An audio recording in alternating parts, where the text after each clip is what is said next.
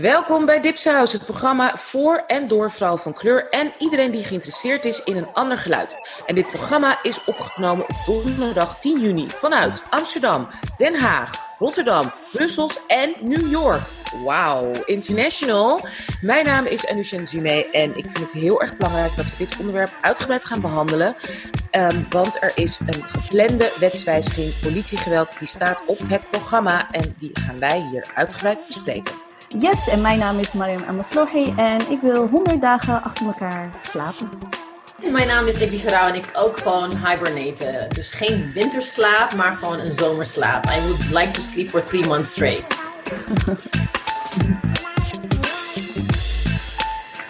Vergeet je niet te abonneren via dipsaus.org. Daar zie je de relevante links naar iTunes, Spotify, Stitcher en ook Overcast en nog andere nieuwe dingen die elk jaar bijkomen.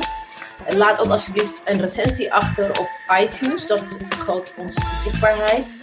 En abonneer je ook op onze nieuwsbrief vol leuke artikelen. Bijvoorbeeld een Mother of All Long Reads bij professor Gloria Wecker over het hippe afropessimisme theorie. Ook winacties, evenementen, playlists en onze eigen Dipsaus exclusive essays en recensies. En we hebben ook iets nieuws op, bij Popular Demand, want we zijn echt best wel slecht in eh, self-promotion. Je kan ook, als je iets kan missen en ons wil helpen, geld doneren via onze homepage. We hebben een uh, donate-knopje. We hebben een donate-knopje en um, we hebben ook een extra nieuwsbrief. Die maak ik in samenwerking natuurlijk met Dipsaus. Daarin cureer ik artikelen uh, vanuit Amerika en allemaal vanuit het perspectief van journalisten, uh, experts, activisten van kleur over de huidige situatie in Amerika. Dus daar kan je ook op abonneren. Nou, zoals ik al zei, het wordt een hele bijzondere aflevering, want we hebben maar liefst drie gasten in onze virtuele studio. We praten met Dion Abdullah Wiskan. Zij is van Easy Solutions en van Control Alt Delete. We spreken met journalist en columnist Hasna Elmaroudi, tevens medeoprichter van het tijdschrift Lilith. En natuurlijk onze eigen Dipsaus VIP, Olave Basaboze. Uh, zij is schrijver, ze is publicist, ze is ook jurist en ze is natuurlijk onze favorite activist. Are more introductions necessary? Nee, volgens mij kennen, we, kennen jullie allemaal deze geweldige vrouwen. En wat heerlijk dat jullie tijd vrijmaken om hier even heel uitgebreid, nou even, hopelijk uh, gaan we lekker lang praten, um, uitgebreid over dit zeer belangrijke en ook urgente onderwerp te spreken. Maar voordat we beginnen willen we ja, eigenlijk een beetje een soort kort uh, voorstelrondje doen. En dan duiken we uitgebreid in het dossier, want het is nogal een dossier. Er moet veel uh, worden uitgelegd. Er zijn wat, hè, wat, wat, wat kleine lettertjes in het contract die we moeten bespreken. Nou ja, het gaat inderdaad allemaal over politiegeweld dat niet alleen in Amerika, internationaal, maar natuurlijk ook in Nederland de gemoederen behoorlijk bezighoudt. Maar laten we eerst even stilstaan bij iets heel moois en iets heel ja, geweldigs. Um, kan ik zeggen dat er 15.000 betogers in Zuidoost waren? Wie wil daar eens eerst wat over zeggen? uh, wie was erbij? Dion, was jij er? Ik was er niet bij. Ik kan, ik kan vaak helaas niet aanwezig zijn bij, uh, bij demonstraties. Uh, om, om, verschillende redenen, maar ik ben vaak wel heel erg nauw betrokken aan de achterkant bij de organisatie, bij de afstemming, bij het voorbereiden van de organisatoren en, uh, en sprekers. En, uh, en in dit geval heb ik ook wel een rol vervuld bij, uh, vanuit de gemeenteperspectief natuurlijk. Want stadsdeelvoorzitter Tanja Jadnanansing, die heeft er echt alles aan gedaan om dit zo soepel mogelijk te laten verlopen. dus daar heb ik ook een klein, klein duitje in het zak, zakje mogen doen. Maar ik was er zelf niet fysiek aanwezig. Wel in de livestream en via app met heel veel mensen. Maar je kan wel stellen dat daar 15.000 mensen aanwezig waren ik denk dat Zuidoost echt haar stem heeft laten horen. Het was ook mooi te zien dat er mensen vanuit het land uh, hier naartoe getrokken zijn om, uh, om, om gewoon support uh, te verlenen.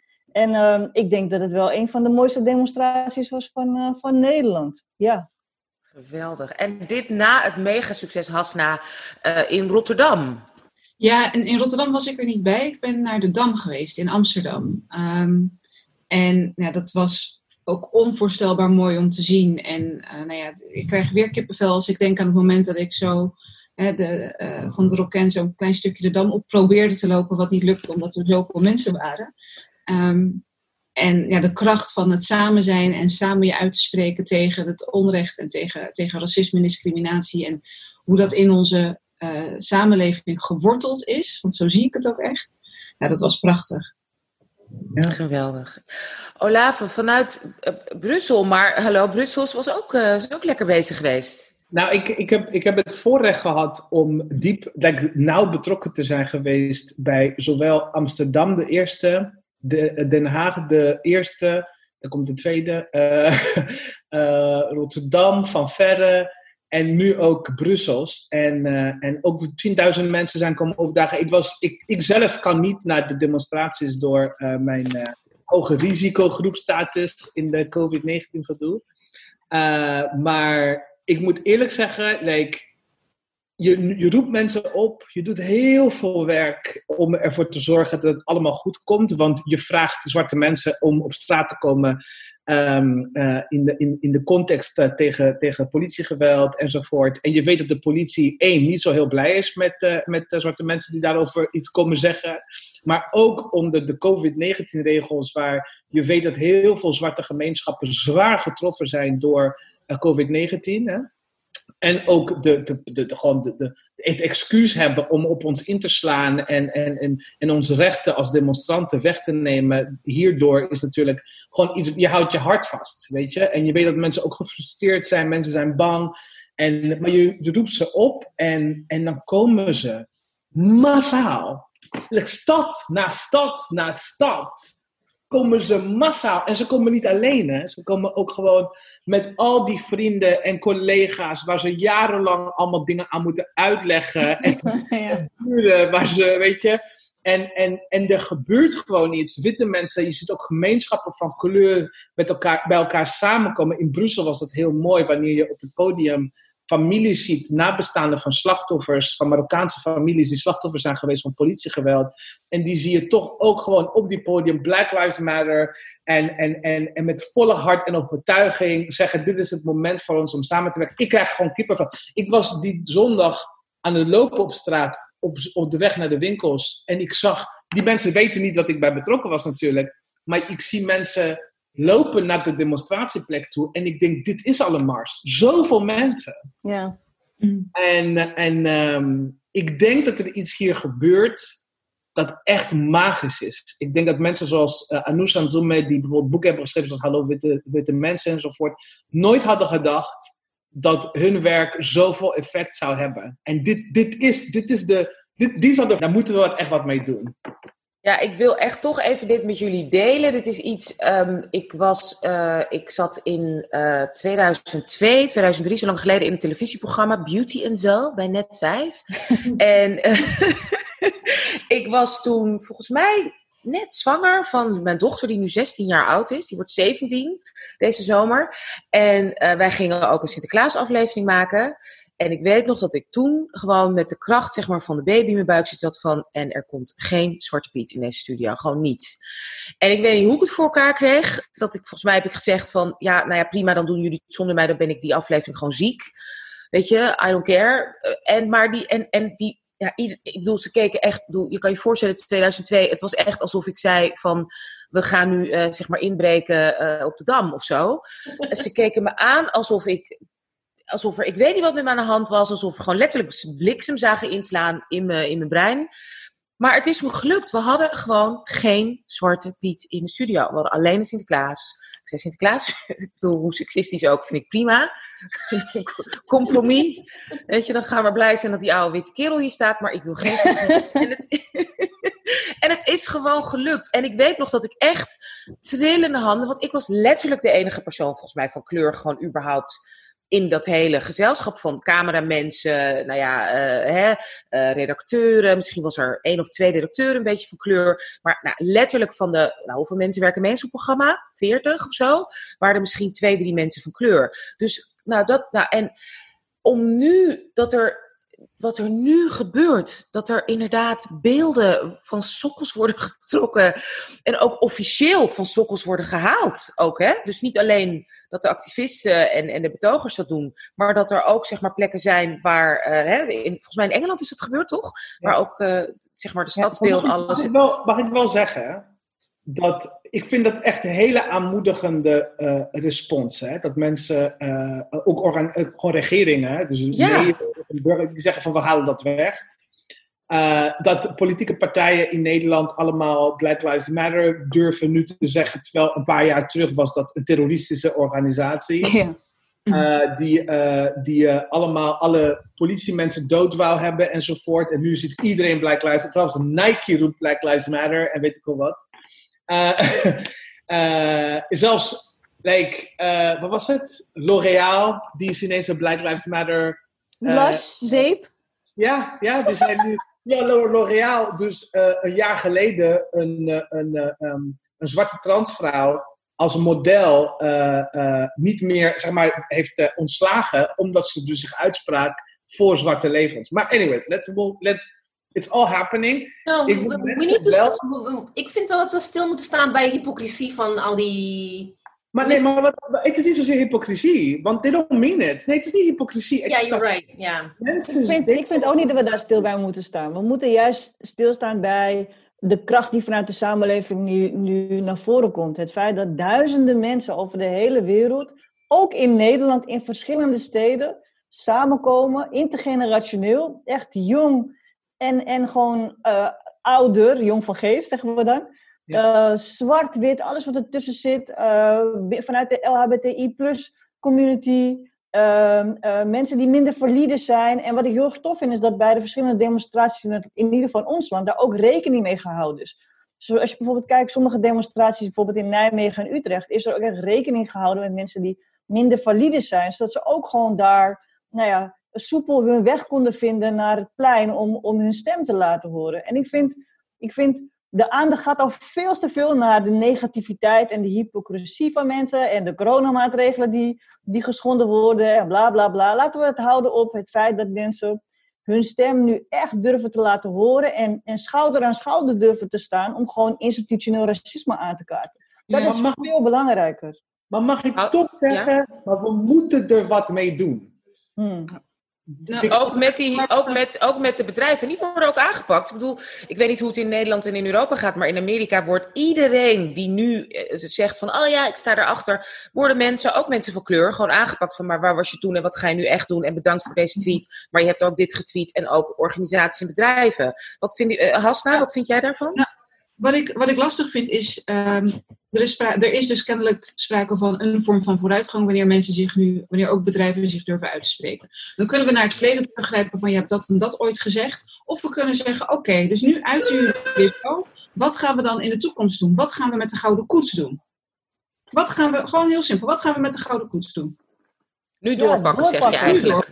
En nu, en nu ook daadwerkelijk uh, de, je daad bij, bij je woorden voegen. Dan kunnen we het verleden eventjes laten rusten. Laten we dat voor wat het is. Maar dan gaan we nu verder. Gaan we nu kijken naar hoe we deze samenleving inclusief kunnen maken voor iedereen. Nee, maar ik, ik ben daar niet helemaal mee eens. Omdat het, I mean, als je een van de weinige uh, zwarte mensen bent, vooral in elite-instituten, mm blijf je dit soort gesprekken. Uh, you, you don't have the same kind of, how do you say it, agency. Omdat uh, bijvoorbeeld, stel ik werk bij Netflix en Netflix Nederland heeft nu gezegd, yay, Black Lives Matter. Als je naar Netflix Nederland op LinkedIn kijkt, there is no brown person, forget black.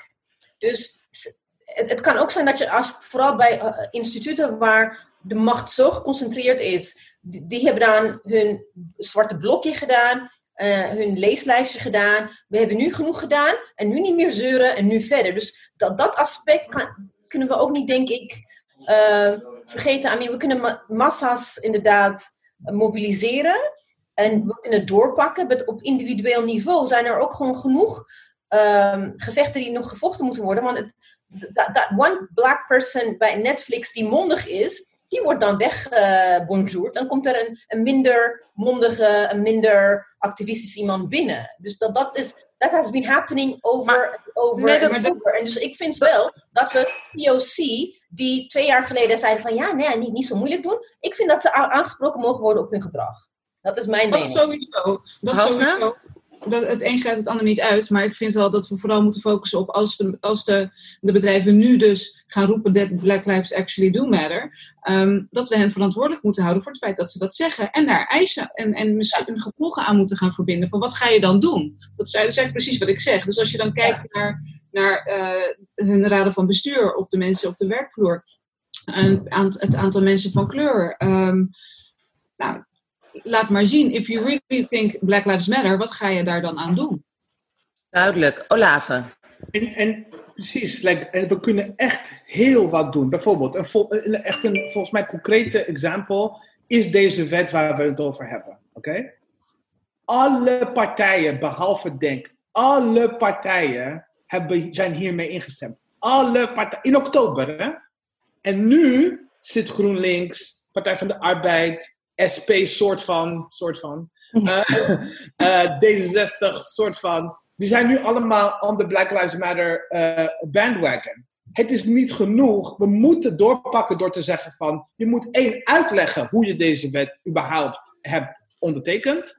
Maar twee, we verwachten dat je dit stopt. En dat moet binnen de partij gebeuren, maar zeker ook buiten de partij. Dat we zeggen van, concreet, als jij Black Lives Matter tweet, moet je ook deze wet nu stoppen. Je moet je, moet je, je goedkeuring daaraan nu terugtrekken. Of het nou eh, in, de, in de Tweede Kamer of de Eerste Kamer of in de publieke opinie. Dat moet consequent zijn. Want het gaat, het, het gaat ons leven in danger. En even voor alle duidelijkheid, heeft SP nu al inderdaad het woord racisme en Black Lives Matter eh, in de mond genomen? Nee, nog steeds is het alleen maar we zijn tegen ongelijkheid. Blijft het nog steeds in beleefde eh, SP-achtige Hasna? Ik zei beleefd. nou, maar niet. Ik, ik denk ook dat ze, ze gebruiken der POC, ze gebruiken der POC eh, Kamerleden om dat soort dingen te roepen, terwijl dat chick, ik weet niet hoe heet ze, Li- Liliana whatever, die blijft gewoon eh hengelen naar de onderbuik. Onze volgende Echt? Alex, Alexandra? Alexandra Ja. Cortez. Ja, de, oh, de Nederlandse AOC. Maar jullie moeten volgens mij wel begrijpen dat deze reacties allemaal van de, van de, van de, in de Tweede Kamer, in de, in de politiek, maar ook in de bedrijfswereld, dat dat ook omdat zij gechoqueerd zijn dat zoveel mensen te been komen. Ja, Like, ze, ze. Tienduizenden mensen per stad. That's scaring them Dat a scary. lot. En Olave, want weet jij of inderdaad Monroe Bergdorf, hè, heb je het over? Dat is eh, de, de transvrouw die door L'Oreal is ontslagen omdat ze een aantal jaar geleden ehm, eh, Black Lives Matter hè, uitte, zich daar eh, op een prachtige manier over uitte. Zij heeft L'Oreal uitgeroepen op, op, op Instagram. Ja. Post daarover geplaatst. Heb, weet jij wat, er, eh, hoe, wat de status nu is? Zoveel gaande tegelijkertijd.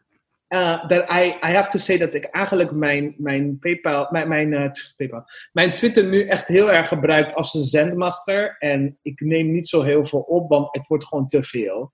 Ehm, ook voor ons, dat is misschien ook iets dat we later kunnen bespreken. Ik, eh, ik, heb het, eh, ik vind het heel leuk en heel belangrijk dat mensen besef hebben van eh, ehm, eh, dat you zwarte mensen, zwarte activisten voorop moeten leiden hierin. Top. Maar ik merk ook dat we gewoon aan het opbranden zijn. We, have to, we moeten andere strategieën verzinnen die meer inclusief zijn en dat mensen ook hun verantwoordelijkheid gaan nemen. Want het lukt gewoon niet meer om, om het allemaal te doen, te volgen wat er allemaal aan de hand is, kritiek te hebben en analyses hebben en ook organiseren en ook jezelf eh, staande houden. Het, het lukt allemaal niet meer zo goed. Dus ja, It's ik, ik weet a niet. lot. Ja, we gaan de. Ik weet dat iedereen ontzettend fan is van de BBB's en alles wat we kijken en doen, maar dat gaan we skippen vandaag. Sorry. Ehm, maar we gaan beginnen met, hè, we hebben het al een beetje over gehad, de wetsvoorstel. Maar voordat we daaraan gaan beginnen, wil ik, wat, eh, wil ik even stilstaan bij een programma eh Medialogica van afgelopen dinsdag 8 juni. Ehm, ik heb het gekeken en ik kan me echt nog. Ik was eventjes. Ik moest het echt even verwerken eh, die avond. Want het ging over het invoeren van stroomstootwapens. ook, als, ook bekend als de taser. En in de aflevering met Dionne hebben we het daar ook al over gehad. Eh, volgens was dat ergens in januari, februari. En wat er in dat programma gebeurt, is hoe ze laten zien hoe de politielobby eigenlijk werkt. En, maar ook de eh, medeplichtigheid of de klakkeloosheid en de kritiekloosheid van de media daarin. Dus er werd geïllustreerd van hoe de media gewoon een persbericht van, van de politie overnam, geen eh, fact-check deed. Wat ik nog, dat, dat ze een vandaag vroegen van, ja, jullie hebben van, uit een onderzoek blijkt dat er meer eh, geweld is naar politieagenten. En dan zegt hij gewoon, met een straight face zegt hij: Nee, we hebben een enquête gedaan naar de beleving van politieagenten. En dat werd toen ehm, een feit. Um, Dionne, jij volgt het natuurlijk heel lang. Hoe keek jij hiernaar? Dacht je van eindelijk, we hebben het een beetje over de politielobby, de vakbond van de politie, die ook maar, weet je, die ook zegt van ja, nou als je gewoon naar uh, de wereld draait doorgaat, pauw, dan heb je eigenlijk, uh, heb je eigenlijk je beleid binnen. Nou ja, wij, wij hebben natuurlijk ook meegewerkt aan, uh, aan de uitzending van Media Logica en er is echt maanden werk aan vooraf gegaan. En ik vind echt de, de researchers van Media Logica, die, die moeten echt een, uh, een, een, een, prijs krijgen. Want, ja, echt. want hun, Shout-out, ja. hun doortastendheid, maar ook de wijze waarop ze echt gewoon uh, hun, hun werk als journalist gewoon serieus nemen. Dat is echt bewonderingswaardig, zeker in de tijd waarin we nu leven. Uh, alle kritische noten die we al jaren plaatsen over de wijze waarop media omgaat met berichtgeving uh, van, uh, of persberichten eigenlijk van de politie en die één op één overnemen, ja, die werden nu eindelijk een keertje aan publiek hoe heet het, tentoongespreid. Iedereen kon, iedereen kon zien dat, dat er echt wat mis is met, met de wijze waarop media omgaat, met, met persberichten van de politie, maar ook met um, vers, verkeerd verstrekte informatie, zonder enige vorm van fact-checking. Zelf ook dus rapporten niet lezen, maar gewoon een hele andere analyse trekken uit een rapport, wat, wat gewoon op geen enkele manier uh, te herleiden is. Uh, ja, en ga zo maar verder. En ik denk, ja, wij hebben echt genoten van de uitzending, want we, wisten natuurlijk wel waar de uitzending over ging en we hebben meegedacht. En, en Jair heeft vanuit Control Alt Delete dan ook echt meegewerkt aan de uitzending zelf. Dus die was degene die werd geïnterviewd vanuit Control Delete. Maar Um, ik, ik, de, de, dezelfde sprakeloosheid die jij hebt, of die jullie misschien hebben, die hadden wij ook. Want wij zaten s'avonds gekluisterd aan de televisie. Ja, elke minuut. Uh, ik zat echt... En, en, ja, maar het is echt elke minuut. Want in eerste instantie zo spannend we, okay, we, gaan, we gaan citaten opschrijven en daar gaan we dan over tweeten. Maar, maar elke minuut was gewoon een soort van, van, van, van, van killing gewoon. Dat je denkt van, hè? Oh, wacht wat zei hij nou? En, en, en, ja, ik, dit is een podcast en, en een video, toch? Dus een podcast, dus mensen zien mijn gezicht ook, denk ik wel. Maar het is, het is mind-blowing. Ik kan niet anders zeggen. Het is en, gewoon, uh... en, en, hoe kan het, dat de, hoe kan het dat, dat, dat de politie inderdaad zo relaxed ook meewerkte hieraan? En gewoon inderdaad meteen als ze ongeveer in de eerste of tweede vraag zei... Ja, nee... Uh... Ja, dat vond, ik, dat vond ik niet verbazingwekkend. Nee, ik ja. niet. Want, nee? Want Frank, nee, want Frank Pauw is de politiechef van Amsterdam. En hij is uh, landelijk portefeuillehouder van, uh, van, van geweld. En hij was al in december tijdens ons jaarlijks evenement aanwezig. En daar hebben we eigenlijk al al deze cijfers onderuit gehaald, gefactcheckt. We hadden een bullshit-knop in het midden van het podium staan. Uh, en we hebben gewoon verschillende mensen aan het woord gelaten. En als iemand het idee had dat de bullshit werd verkondigd, mocht op die knop gedrukt worden. De politie heeft geen één keer op de knop gedrukt. Sterker nog, hij heeft ook een x-aantal kwesties beaamd. Dus alles wat hij zei in de uitzending, dat was voor ons niet nieuw, want hij had dat al bevestigd tijdens ons jaarlijks evenement. Um, wat ik wel heel verbazingwekkend vond, was dat die dude van ACP mee heeft gewerkt, de politiebond.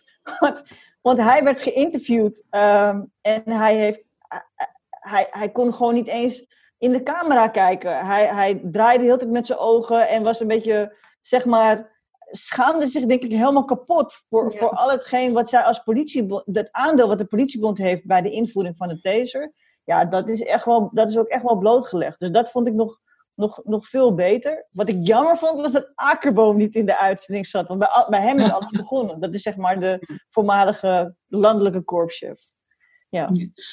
En mag ik daar nog wat aan toevoegen? Um, ja, Hasna, graag. Ja, ik heb die uitzending natuurlijk ook bekeken en ik dacht ook, wauw. Um, toevallig had ik uh, de, de dagen daarvoor mezelf verdiept in de invoering van de taser. Dus ik had ook alle, uh, uh, alle weerstand gelezen vanuit onder andere Control Delete, maar ook vanuit Amnesty International.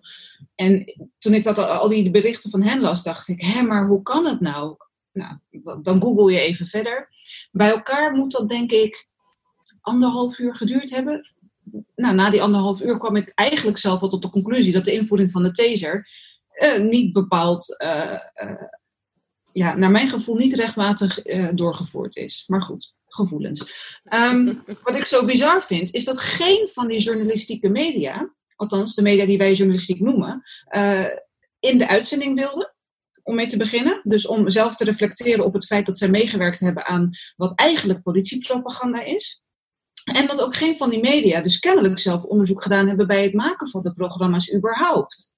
Hoe kun je agenten uitnodigen, eh, aan tafel zetten en hen volledig een lulverhaal laten ophangen over hoe politiegeweld toeneemt, zonder het allermakkelijkste te doen. En dat is namelijk naar cijfers kijken of politiegeweld daadwerkelijk toeneemt. En daarop aanvullend, hè, wij hebben verschillende media, die je ook zag in, tijdens de uitzending Media hebben wij van tevoren ook geïnformeerd over het feit dat de informatie die verstrekt wordt door de politie en uh, de uitzending die ze er s'avonds aan gaat wijden, dat die niet correct is. Dus het is niet zo dat de, dat de wereld draait door, of, of een Jinek, of een Eén Vandaag, of, of een RTL. Een RTL hebben we ook uitvoeringsgroep.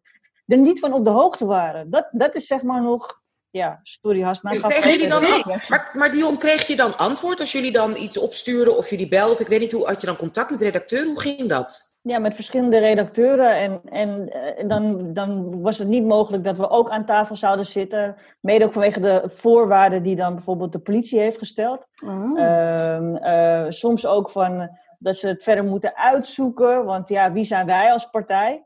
Uh, en dan schuif je Amnesty naar voren en dan zeggen ze van ja, Nee, maar al dat soort dingen zijn, zijn legitiem. Ze kunnen prima zeggen: oké, nou we willen jullie niet aan tafel hebben. Maar je basis is dat je je journalistieke werk doet en dat je onderzoek doet. En als er wordt gezegd door de politie: er, er, is, er wordt meer geweld gepleegd tegen politie, dan is, het, dan is het je plicht als journalist om te onderzoeken of dat, dat feitelijk is of dat dat propaganda is. En verder, weet je, wat je er dan ook mee doet, oh, uh, we moeten het allemaal nog verder uitzoeken, dan schuif je met je uitzending. Dan ga je niet s'avonds een uitzending maken waarin je drie agenten neerzet. Ik ben echt, ja, maar ik vind het is, mogelijk. Je, het was echt shocking.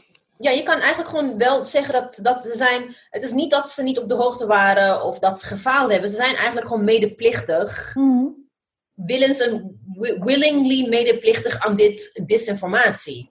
Ja. Olave. I, I hate to burst this bubble of ongeloof en verontwaardiging. I'm not. Even, even, hey, disclaimer, I'm not surprised. But this is not surprising at all. Like, there's, there's zowat niks qua beleid dat uit de koker van rechtse politici en, en, en hun bondgenoten, dat, dat ooit niet gestoeld is op leugens. Kijk maar naar de manier waarop we beleid maken rondom klimaatverandering de manier waarop we beleid maken rondom uh, belasting, uh, multinationals en belasting betalen. Tax. De manier waarop we beleid maken over um, uh, even zelfs hoe onze eten, wat er in ons eten zit allemaal. Het is keer op keer dat like fake onderzoeken worden betaald door bedrijven, dat lobbyisten de wetten zelf schrijven. Um, het is gewoon, dit is gewoon standaard de manier waarop een bepaalde deel van onze politieke spectrum gewoon werkt. Het is leugens op leugens op leugens. This is standard. Er is geen enkele, geen enkele beleidsfield, sector, waar rechts domineert. Zelfs de boeren. Allemaal leugens. Elke keer. I, get, I don't understand nog hoe like, uh, media en ook stemkiezers nog überhaupt hierdoor verrast worden.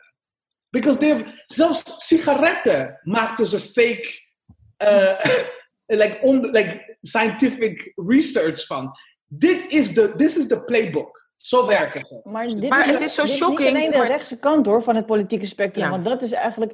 De publieke omroepen worden als als links georiënteerd weggezet. Als je maar kijkt dat is niet waar. Hoe, nee, maar als je kijkt naar hoe de wet bijvoorbeeld, de wetswijziging door de Tweede Kamer heen gegaan is, de enige partij die het heeft geprobeerd tegen te houden is Denk.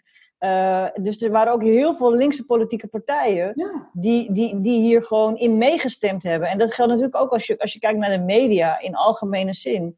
Uh, vanuit het brede politieke spectrum moet, moet, moet deze verantwoordelijkheid worden gedragen en moet daar gewoon uh, een, een, tegengeluid. Maar mijn, uh, mijn, mijn analyse, de reden waarom dit allemaal zo mogelijk is, denk ik dat het komt door twee, drie dingen.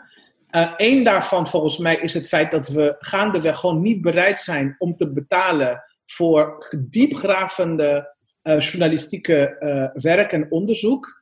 Uh, like mediaplatforms die het werk willen doen, die de, de kennis, die, die kunnen niet mee competen because people are not willing. Mensen willen gewoon nu.nl. Het is gratis, klaar. Weet je, that's it. Mm. Um, we, twee, denk ik, we vertrouwen veel te veel staatsgefundeerde uh, uh, publieke omroepen. We vertrouwen veel te veel. We kijken naar de samenstelling van hun redacties en, en, en we denken daar niet bij. Oh yeah, this is all various variations of Milky White. En we, zit, we zetten daarbij niet de nodige vraagtekens bij.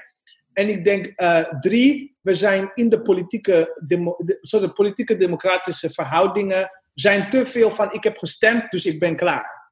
We moeten zich veel meer bezighouden met hoe beleid ontwikkeld wordt op de partijniveau. We moeten veel meer vragen stellen, veel meer zeg maar erop zitten van hoe ze stemmen. En niet gewoon in de campagne, de publieke campagne, soort van wereld PR daaromheen onze beslissing maken. We moeten vier jaar lang bezig zijn met deze mensen. En niet alleen die, die twee, drie maanden van, uh, van campagne voeren. Maar wat ik ook shocking vind, is, kijk, als je het hebt over lobby en, en, en zeg maar bedrijven. Politie is geen bedrijf. Politie is een publieke, hè, publieke instelling die er ook is om ons te beschermen en te, te supporten. En uh, toch? Dus daarom is dit, vind ik dit helemaal zo shocking. Dus ik, ik ben heel erg benieuwd ook. is traditioneel een extensie van bedrijven. Politie die, die gaat, die, die, die, de eerste uh, uh, uh, taak die zij altijd hebben gehad, ook in de geschiedenis van politie in Nederland, in Europa, was het beschermen van de belangen van kapitaal, van groot kapitaal. Dus het is een extension waar wij allemaal voor betalen, maar het is vooral het verdedigen en behouden van de belangen van kapitaal.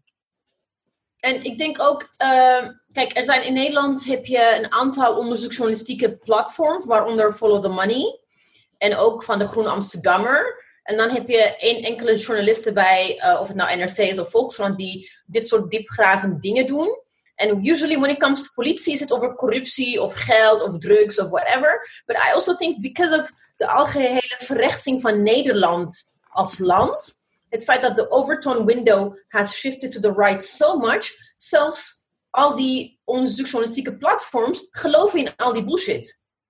Dat, daar ga ik gewoon van uit. Dat, want FTM, Follow the Money, publiceert regelmatig fascinerend onderzoeksjournalistiek werk over corporate, over belasting, over een heleboel dingen. Maar when it comes to criminal, criminal, kleincriminaliteit en, uh, uh, en, en, en het feit dat politie zogenaamd veel meer geweld is uh, vanuit vooral allochtonen naar politie toe. Everybody believes it because that's what they think the world in elkaar zit. Dat, dat denk ik. Because nobody asks this question when, while, while they're asking questions about super ingewikkelde dingen. Zoals hoe je uh, Dutch-Irish sandwich belasting kan ontduiken, wat heel ingewikkeld is. Maar dit soort simpele vragen die je in wat in een anderhalf uur hebt kunnen opduiken, Hasna, wordt niet gevraagd. Because I think they actually inherently think it's all true. Het speelt, het, het speelt in op het onderbuikgevoel, Hasna, klopt ja. dat? Nou, dat denk ik wel, maar ook uh, toch wel blinde vlekken. Wat ik nu bijvoorbeeld bij die nieuwe wet heel erg merkte, en dat zie je ook bij de reacties van de politieke partijen, althans de partijen die een reactie gegeven hebben, is dat ze allemaal ergens uh, ervan uit zijn gegaan dat de politie um, altijd heel welwillend is. Dat ze hun taak altijd met, weet je wel, dus, dus ze zijn er voor ons, ze doen het voor ons allemaal er is geen partij geweest die echt rekening gehouden heeft met etnisch profileren of geweld tegen uh, uh, minder valide. Um, dus ik, ik ben echt, daar was ik denk ik nog wat meest verbaasd over. Dat elke politieke partij zei, ja maar goed, er, is, er zijn toch speciale regels nodig voor de politie en ze blijven wel, we kunnen ze toch nog blijven vervolgen. En er is, het is echt niet zo dat ze straks niet meer te vervolgen zijn voor doodslag enzovoort. En dan kwam de vervolgvraag vanuit ons. Ja, maar we zijn niet bang voor dat ze niet vervolgd kunnen worden voor doodslag. Maar hier binnen deze nieuwe kaders geven jullie ze extra ruimte om misbruik te maken van etnisch profileren. Wat gaan jullie daaraan doen? En toen viel ineens het kwartje. Ja, maar, je, slaat echt, maar je slaat echt een spijker op zijn kop. Want het probleem is denk ik gewoon in, in Nederland, in, in, in een land als Nederland, dat de politie als organisatie is toch een heilig huisje. Hè, Anousha, jij introduceerde mij, ik ben van Easy Solutions. Control Alt Delete is gewoon een project van Easy Solutions. Maar we hebben echt een hele andere naam bedacht om zeg maar, etnisch profileren en politiegeweld aan te kaarten, omdat anders van invloed is op de andere werkzaamheden die we verrichten. Want het is niet makkelijk om een organisatie als de politie ter verantwoording te roepen, daar je kritisch over uit te laten, want hè, dat is de organisatie die waakzaam en dienstbaar is voor ons allen. Maar, maar we gaan voorbij aan het feit, inderdaad, dat er wel ook sprake is van geïnstitutionaliseerd racisme. Dat, we last onder, dat er mensen met een migratieachtergrond last ondervinden van etnisch profileren. Dat politiegeweld wat in Nederland toegepast wordt, uh, dat we ook daar zien dat er toch sprake is van een disproportionaliteit. En ga zo maar verder. En als je kijkt dan naar de vertegenwoordigers in de politiek, um, ja, over het algemeen hebben ze daar echt inderdaad een zwaar blinde vlek voor. Ze varen te veel op het feit van politieambtenaren hebben een eed afgelegd, dus zal het wel kloppen wat ze zeggen. Uh, en ik vind, natuurlijk zou dat eigenlijk moeten kunnen. Maar als we nu kijken naar de afgelopen tien jaar, en er zijn al zoveel bewijzen geweest dat de politie echt niet altijd volgens het boekje acteert, op welk front dan ook. Ja, dan mag je ook echt wel als gehele politiek daar gewoon wat, wat, wat uh, risico's beheer, beheersen. En ervoor zorg dragen dat, dat, dat dit soort dingen niet plaats kunnen vinden. En de media in deze, vind ik toch ook echt, heeft gewoon te veel zitten slapen. Olave. Ja, ik wil, ik wil wel, want je zegt van dit zou moeten kunnen, die, die, die, die, die, dat vertrouwen in de politie, het zou moeten kunnen. Maar ik ben daar echt niet mee eens. Het zou helemaal niet moeten kunnen. Zeker vanuit de positie van de, van de wetgever van de Tweede Kamer, is het zo dat je juist als wetgever de politie heel erg moet niet vertrouwen. um, de fundament van het Europese uh, democratische rechtsmodel is dat de drie, die drie takken van de, van de, van de, van de regering, hè, dus de overheid, de rechterlijke macht en de wetgever, elkaar niet vertrouwen. Het is de bedoeling dat ze elkaar scherp houden, dat ze elkaar, zeg maar, um, uh, uh, controleren, controleren. Dat is heel belangrijk, dat aspect. Uitdagen. En de politie is nou juist, kijk, als, als, als de koning bedenkt van ik ga een coup plegen, ik ga die hele Tweede Kamer ontruimen. Weet je waar hij dat mee doet? Hij doet dat met de politie en de militairen. Die zegt hij verhaalt die mensen uit de Tweede Kamer, ik heb ze niet meer nodig. Het kan niet zo zijn dat, uh, dat de Tweede Kamer bedenkt van, oh wij vertrouwen impliciet de politie, want dan doe je je taak gewoon niet. Dan ben je fout bezig. Het hele strafrechtsstelsel, zoals ik het heb geleerd hè, in de doctrine, het hele strafrechtsstelsel is niet zozeer ontworpen om. Um, om eh, dus je hebt twee: je hebt strafrecht en strafvordering. Hè? Dus strafrecht zijn de regels voor wat we allemaal niet mogen doen en, enzovoort. Strafvordering is hoe dat, uh, hoe, dat hoe, hoe, hoe de politie en de rechterlijke en de, en de, de OM enzovoort ervoor zorgt dat die regels worden nageleefd. Strafvordering is misschien twee keer zo groot als strafrecht. Want we vertrouwen impliciet in de democratische rechtsstaat, vertrouwen we de politie niet. We moeten ervoor zorgen in de doctrine en in de wetgeving dat het heel duidelijk is wat ze mogen doen, wanneer ze mogen het doen en dat ze dus niet de regels overschrijden. Want ze hebben zoveel macht, deze mensen. Je stuurt mensen op straat met gespecialiseerde training die dodelijk kan zijn. Je geeft mensen wapens die mensen kunnen doden. En je geeft ze dus die macht, je geeft ze die legitimiteit om dat te gaan doen. Ik mag niet rondlopen met de, met de wapen en met allemaal, maar de politiepersoon mag dat wel doen. Het is aan de Tweede Kamer om de allerhoogste, en de rechters, om de allerhoogste eisen daaraan te stellen. En wanneer ik ben dus het mensen. dus helemaal eens met Olavo. vertrouwen, Ja. dan zijn ze dus hun, hun taak als wetgever zijn ze aan het verzaken. En, en de vierde macht being de media, die dan iedereen moet controleren. Weet je, er is niet voor niks dat in de grondwet staat dat, eh, eh, dat je het recht hebt, de persvrijheid bestaat. Hè? Dat is niet voor niks, dat is een groot goed. En al die journalisten die bedenken van, eh, ja, de politie heeft toch dit gezegd en die gaat dan quoten alsof dat de waarheid is. Dan nogmaals, doen zij, maken zij onze rechtsstaat zwakker. En er zijn heel veel dingen dat je kan zeggen over de problemen rondom de, hoe, de, hoe de democratische rechtsstaat ontwikkeld is en bedacht is. Maar een van de dingen die nog wel echt belangrijk is, is om te begrijpen dat als mensen niet het onderzoek doen, als journalisten niet het onderzoek doen, dan hebben wij niet de informatie die we nodig hebben als burgers om de juiste beslissingen te nemen. Ja, precies. Ja, En je Olaf, bent Olaf heeft echt helemaal gelijk. En daar wil ik één ding op toevoegen. Want wat ik bedoelde te zeggen is dat, dat van, vanuit burgerperspectief denken we dat we erop mogen vertrouwen dat. En dat kan gewoon echt niet. En het verschil wat Olaf net maakte tussen strafrecht en strafvordering is denk ik dan belangrijk om bij stil te staan. Want wat dan toch niet goed geregeld is, ook in een land als Nederland, is dat het allemaal onder dezelfde ministerie valt.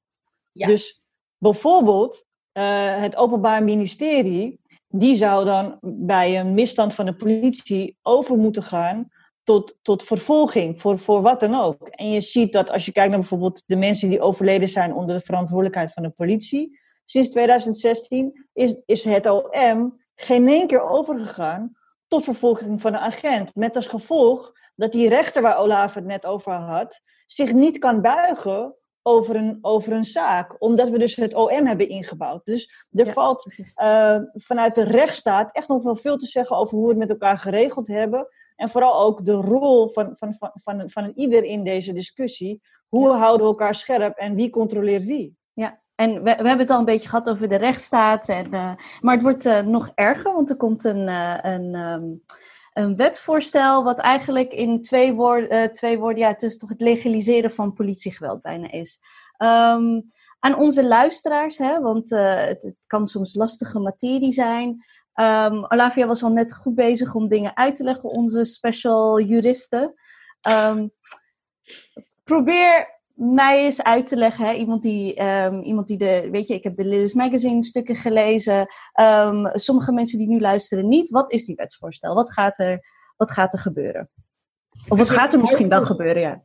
Het is een uiterst ingewikkelde en technische verhaal altijd, strafvordering. En ook deze wetswijziging doet daar niet aan onder. Het is gewoon heel ingewikkeld. Make it Dus- sexy, dat kan Ik ga het proberen, en, maar ik vertrouw erop dat Dionne eh er tussendoor zegt, nee, dat klopt niet. Dus, dat, dus let's, let's try to help each other. You know, checks and balances. Gaan we dat ook proberen. Nou, ehm, er gebeuren twee dingen in die wet, zover ik het heb begrepen. Het eerste wat er gebeurt, nee, drie dingen zelfs. Het eerste wat er gebeurt, is dat er eh, op dit moment eh, de regels rondom het gebruik van eh, geweld niet door de wet worden geregeld. Die worden geregeld door de zogenaamde ambtsinstructie. De ambtsinstructie wordt volgens mij of elk jaar of voor langere periodes ontwikkeld en vastgesteld door de ministerie zelf.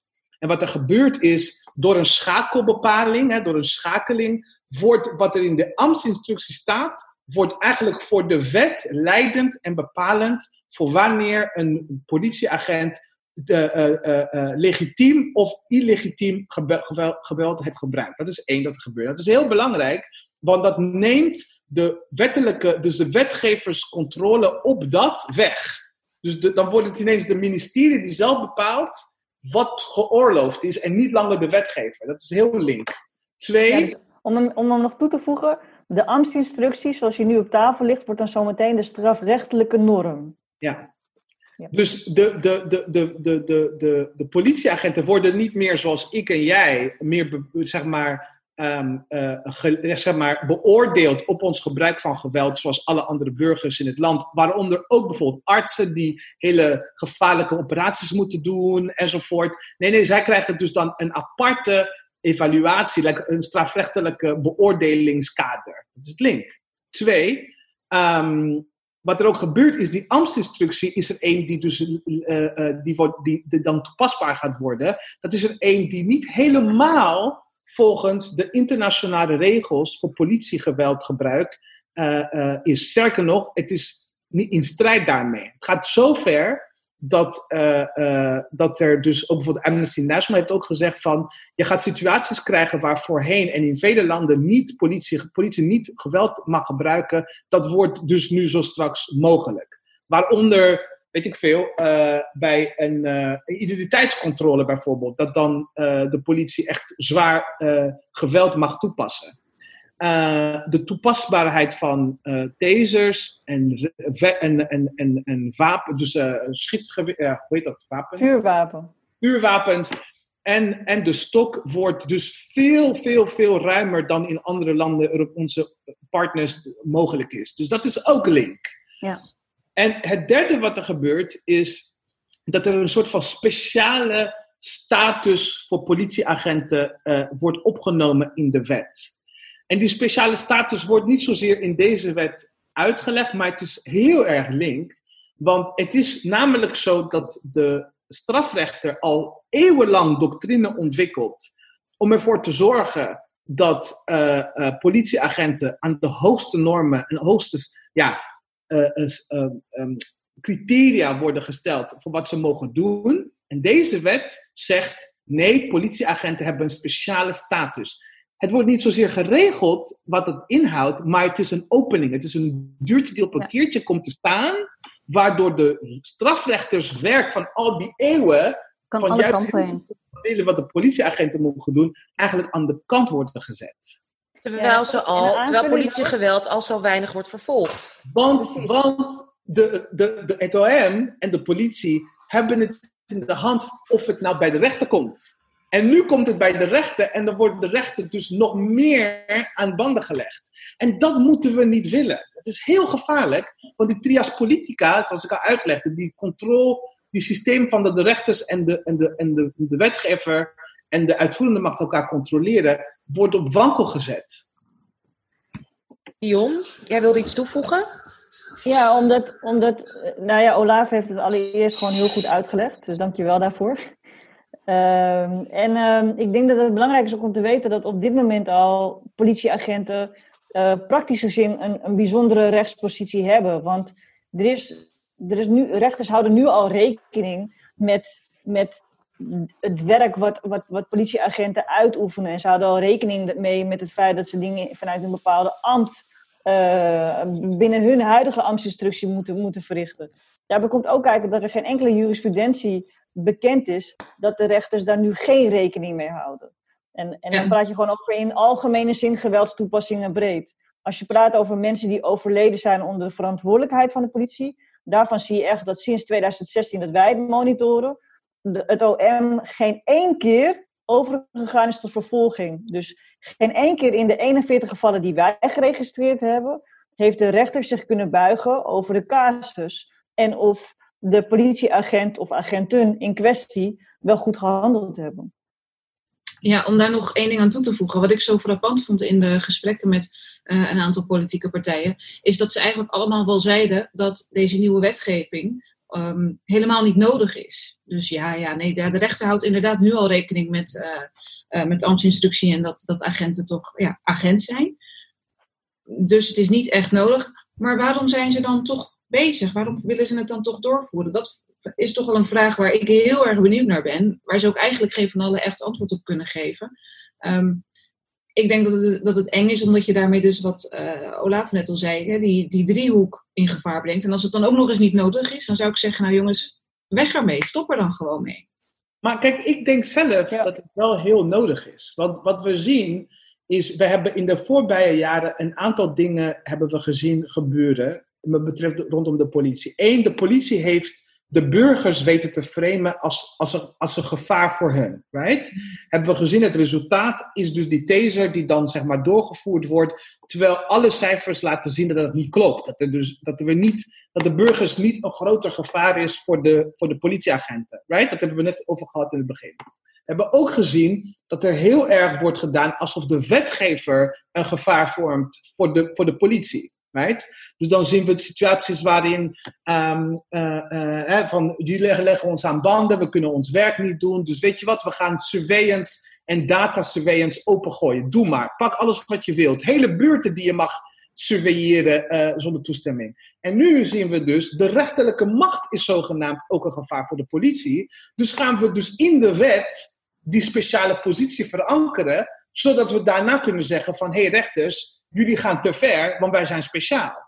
Dus je creëert een situatie waar de hele bevolking, dus kennelijk, burgers, de rechterlijke macht en de wetgevende macht, zogezegd, een gevaar is voor de politieagent. Sorry, it, the other way around. Ja. Zij zijn degene die rondlopen met geweren en met eh, eh, en uit, wapenuitrusting. And also, I mean, correct me if I'm wrong, Dionne, maar dit, dit, dit wetsvoorstel is toch ook na Mitch Henriquez. Ja, precies. Dus dat Klopt. is the thing, het is, doel, het is iets wat doelbewust is gedaan. Het is niet iets that was done before the Mitch Henriquez case, which was so much in het nieuws. Dus het, dat, het zegt ook iets over hoe how do you say it? It's deliberate. It's a deliberate uh, move om, om, om ze nog meer bevoegdheden en, en min, minder kwetsbaar te maken voor de wet. En dat is what je- really, really upsetting is. Dat echt dachten van, we moeten nu onszelf zo indekken dat we gewoon niet meer. Het is toch, het is. Het is het is like, this is ook, heel vaak wordt er gepraat over totalitaire staten waarin ik op opgegroeid ben, dat ze gewoon blatantly eh, dit soort wetgeving. En in Nederland gebeurt het allemaal gewoon onder de radar. I mean, it's the same shit, different. Hm. You know? Ja. Wie zit hierachter? Hoe is deze wet überhaupt? Wie heeft dit geïntroduceerd? Welk, is het er een partij achter? Is het, zijn het de bo- politiebond? Hoe zit dit? Hasna, Hasna. CDA. Was eh, Art van der Steur. Ja, maar wel ook onder druk van de, van de politiebond. En Art van der Steur was zelf vrij kritisch op, deze nieuwe, op dit nieuwe wetsvoorstel.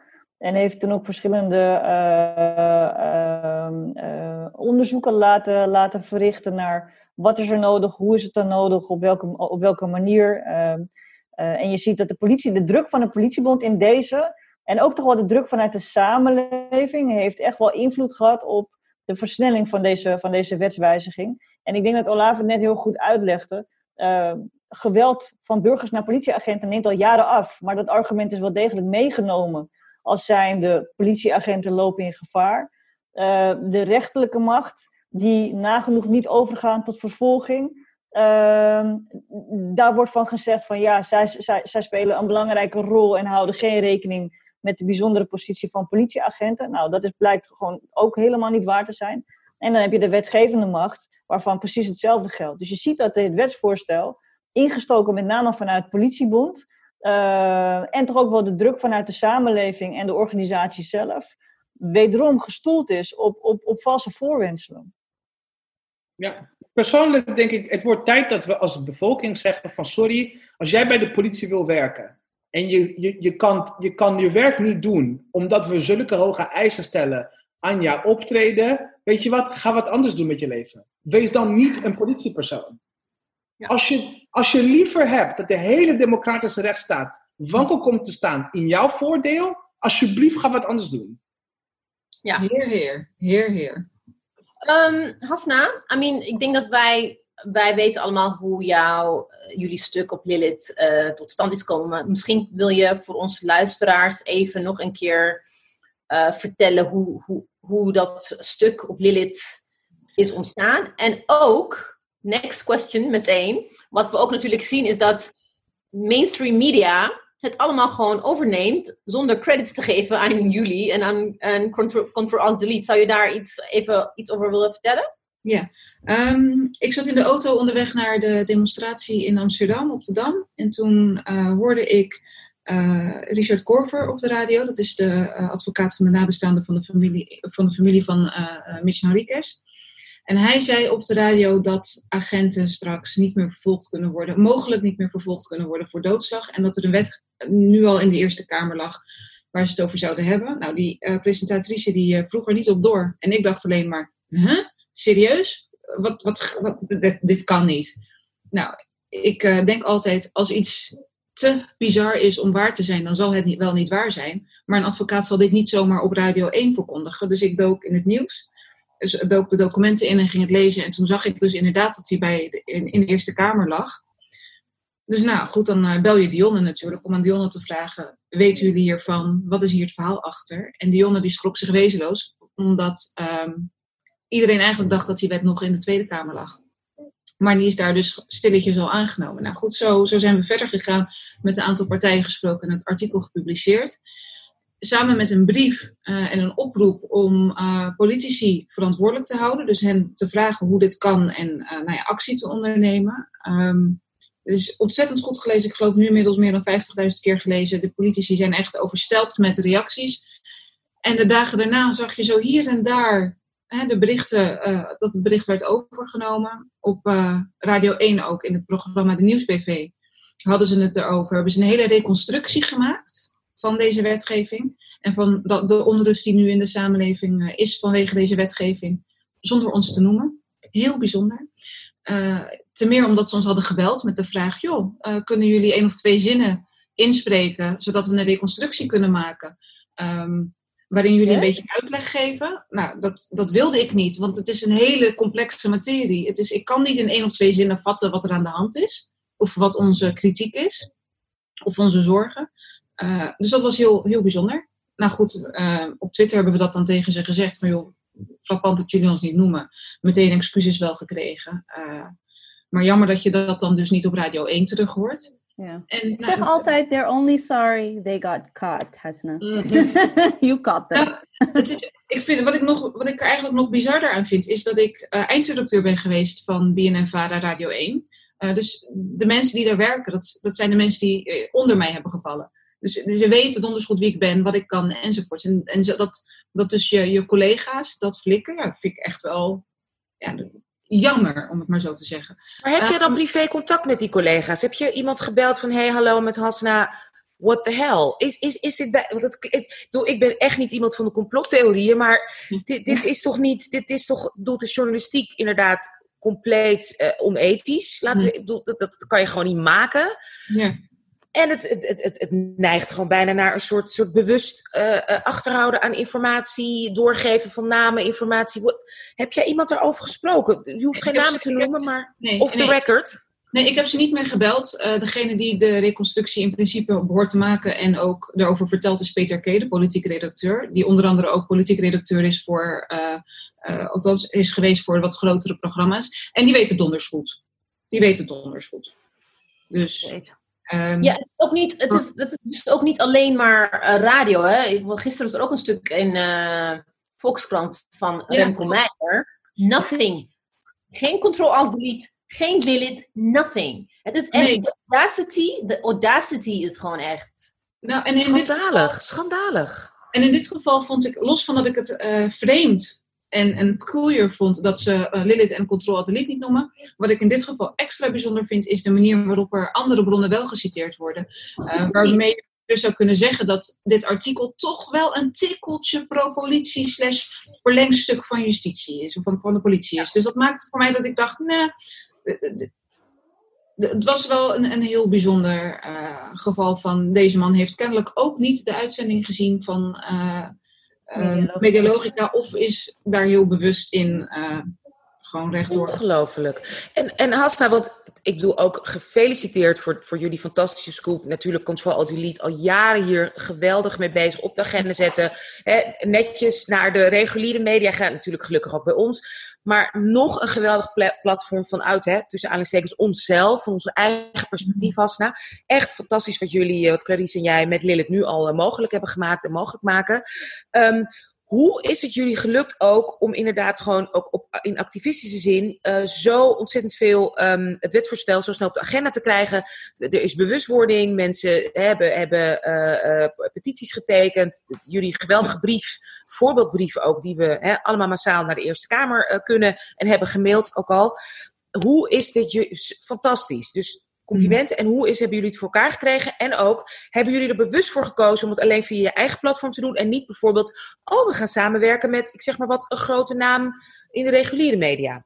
Nou, we hebben het in eerste instantie vooral echt op de agenda kunnen krijgen, mede dankzij de medewerking van Control Alt Delete. Want er was heel veel informatie wat gewoon gecheckt moest worden ook. Ehm, kijk, voor mij was het allemaal tamelijk nieuwe materie. Ehm, ik ben best slim, dus ik kon het ook best wel begrijpen. Maar ik wilde toch zeker voor het onzekere nemen eh, en geen fouten maken. En eh, op de achtergrond een aantal juristen die mee hebben kunnen lezen.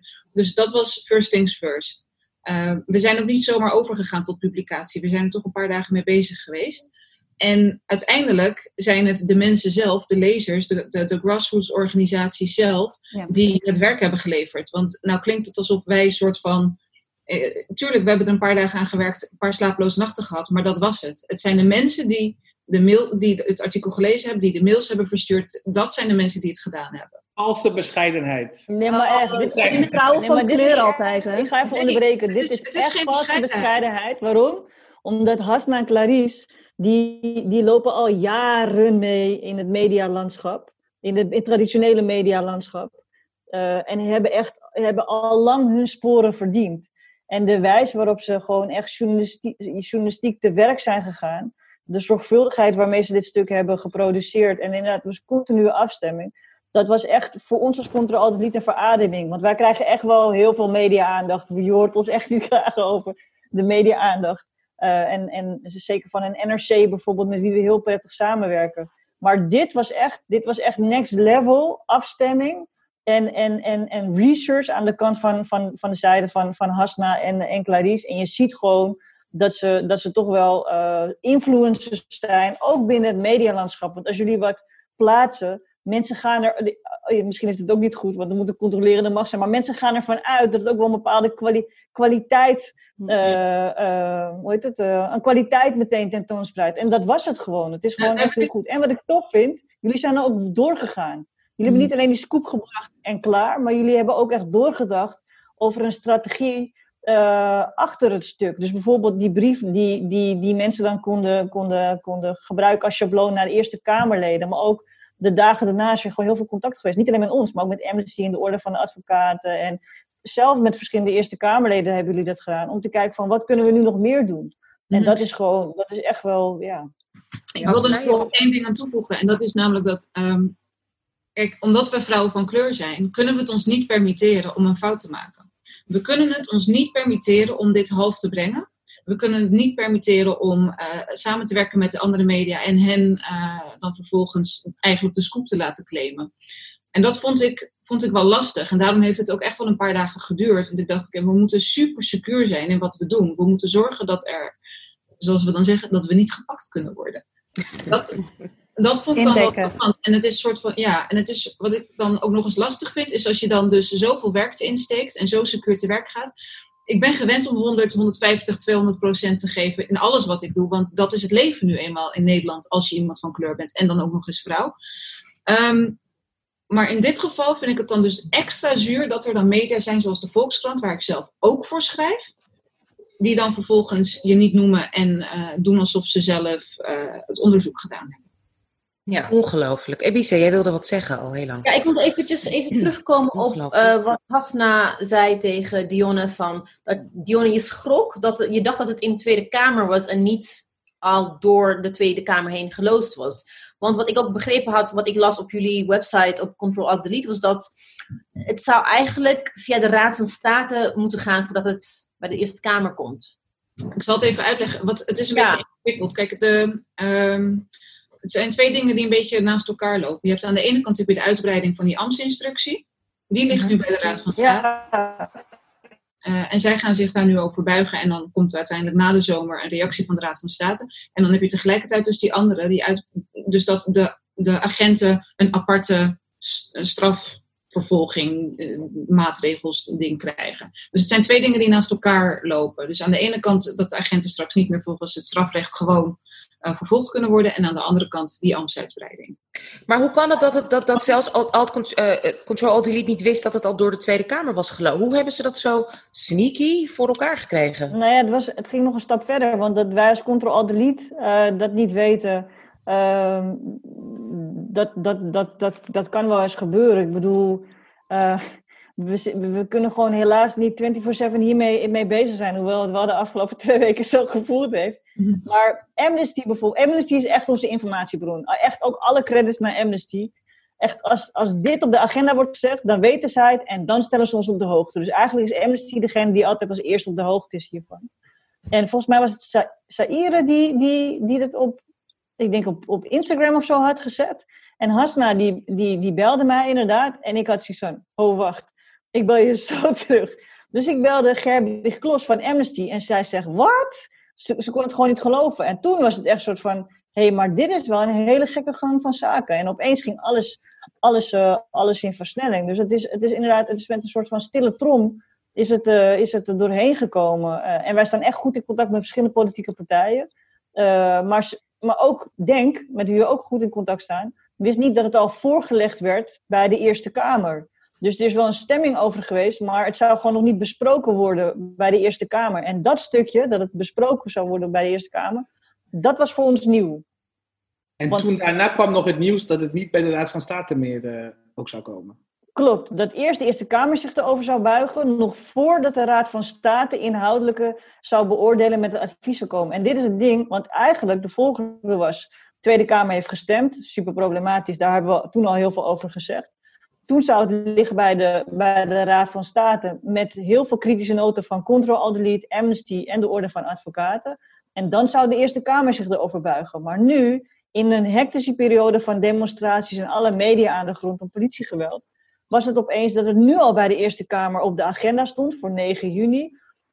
Zonder dat het al besproken is bij de, bij de Raad van State. Ja, toen, het was echt wel even paniek. Hasna heeft het uh, lief omschreven, want het was echt waar. Er iets van, wat? Ik heb daar wel gedachten over. Ik, sorry, maar. Uh, graag, uh, Olave, graag. Uh, dit, is, dit is wat, ook, wat ik ook een paar maanden. nou, het voelt echt als eeuwen geleden al probeerde uit te leggen. Is in, in, in het midden van crisissen, als je een rechtse regering hebt, een Precies, neoliberale ja. regering hebben, dan gaan ze de zogenaamde neoliberale shockdoctrine doorvoeren. Ja. Nogmaals, Never waste a good crisis. Always a good crisis. Ze gebruiken dit. De, mensen zijn afgeleid. Mensen zijn bezig met de coronavirus. En ze denken van, we gaan dit gewoon stilletjes gewoon doorvoeren. Dit hebben we gezien op immigrantenlevel. Uh, uh, weet je, dus dat bijvoorbeeld uh, de staatssecretaris op, in tegen, tegen de wensen van de Tweede Kamer en de rechters besluit om toch mensen te deporteren. Ook al hebben de Tweede Kamer gezegd, we willen dit niet. En juist in deze tijd dat gaat doen, omdat ze weten dat er is een luwte, er is gewoon echt heel veel chaos en crisis enzovoort. Volgens mij is dit gewoon heel strategisch bedacht van niemand gaat dit opmerken. En we hadden het bijna niet eens opgemerkt als, als George Floyd niet uh, de stroom aan aan demonstraties enzovoort in gang had gezet, die we nu over de hele wereld zien, was dit gewoon doorgevoerd, hadden we het allemaal niet geweten. En persoonlijk denk ik ook, en ik denk dat mensen heel goed moeten weten, de periode na deze coronacrisis, die gaat gepaard gaan met nog meer austerity, met nog meer sociale onrust, met nog meer armoede. En de, de, de, de neoliberale regering die heeft gewoon een sterke politie nodig die van alles kan doen om dat te onderdrukken. Dit creëert de mogelijkheid om veel meer repressief te gaan doen zo straks. Veel meer dan na 2008. Uh, want er gaat ook gewoon veel meer austerity komen. Dus ik vind het geen toeval. Het is een stukje gewoon, ja, het is nogmaals naar verwachting. Ja, en er zijn nu al, er zijn nu al werkgroepen, hè, werkambtenarengroepen, die zijn nu al bezig om na de zogenaamde aftercrisis, van wie gaat nu de, de crisis uh, betalen en waar gaan we het geld vandaan halen. En het eerste waarnaar wordt gekeken zijn mensen in de bijstand. Um, daar zijn nu al werkgroepen in place. Dat heb ik gelezen in het Financieel Dagblad, waar ik, um, dat ik nu op, opeens in de, in de gaten hou. Um, Uh, heb een. Hey. hey, maar. De, dus. En dit, is, en dit is ook waarom we deze aflevering wilden maken. Want oké, de, de duizenden mensen op straat, Black Lives Matter, internationaal, ook in Nederland. Um, dit is. Um, om te zeggen, inspirerend wat er in Amerika gebeurt, bedoel ik meer, of in de Verenigde Staten bedoel ik meer in de zin waar ze het hebben over defunding the police. Dat gaat bijna hand in hand in het roepen met Black Lives Matter. Ik had, um, uh, daar zijn wij ook hier in Den Haag, om, om even een uh, shout-out te geven aan een politieke partij waar ik voor werk. Weet je, in oktober 2019 hebben we vertrouwen in de politieleiding uh, opgezegd. Um, politiek gezien en het politieke werk dat ik, dat ik al doe, houdt het me bezig dat ik bang ben dat na de demo, nadat de duizenden mensen de straat op zijn gegaan, dat wij niet hier in Nederland gaan roepen defunding the police of um, radicale hervormingen um, van politie. Um, en dan ga ik aan Anousha vragen, omdat jij onze honorary correspondent uit Amerika bent. Uit, en in de New York State Senate is daar ook heel veel over gesproken. In Minneapolis hebben, hebben ze gezegd van we gaan, eh, we gaan, uh, we gaan daar, uh, we gaan defund the police in certain ways. Maar in North Carolina hebben ze juist gezegd nee, 40% gaan we meer geven aan de politie. Het gaat alle kanten op. Kan je een beetje ons vertellen van waar zouden we ons wel door laten moeten inspireren? Of wat is daar, welke discussie is er gaande waarvan jij zou denken van als we, als we daar niet nu voor gaan pushen, dan, dan verliezen we heel veel. Dan verliezen we momentum. Ja, nee, het is belangrijk om inderdaad, hè, wat we allemaal al zeiden, op, op, op zoveel mogelijk niveaus, zoveel mogelijk onderwerpen door te pakken. En ik denk dat de politie daar zeker één van is. We hebben het in dit, dit gesprek ook heel duidelijk gehad over de discrepantie tussen uh, het is een publieke organisatie die ons allemaal support, of is het een soort bijna half gesponsorde organisatie die, uh, uh, die, die wie of wat verdedigt en kapitaal wellicht verdedigt. In Amerika heeft de politie natuurlijk helemaal zeer problematische geschiedenis. Uh, de, de, hè, ik ga nu even een pijnlijk woord zeggen, slave patrols. Het is uh, zeker in het zuiden opgericht als instituut om uh, weggelopen tot hè, ontsnapte, naar vrijheid strevende tot slaafgemaakte terug te brengen naar de eigenaren.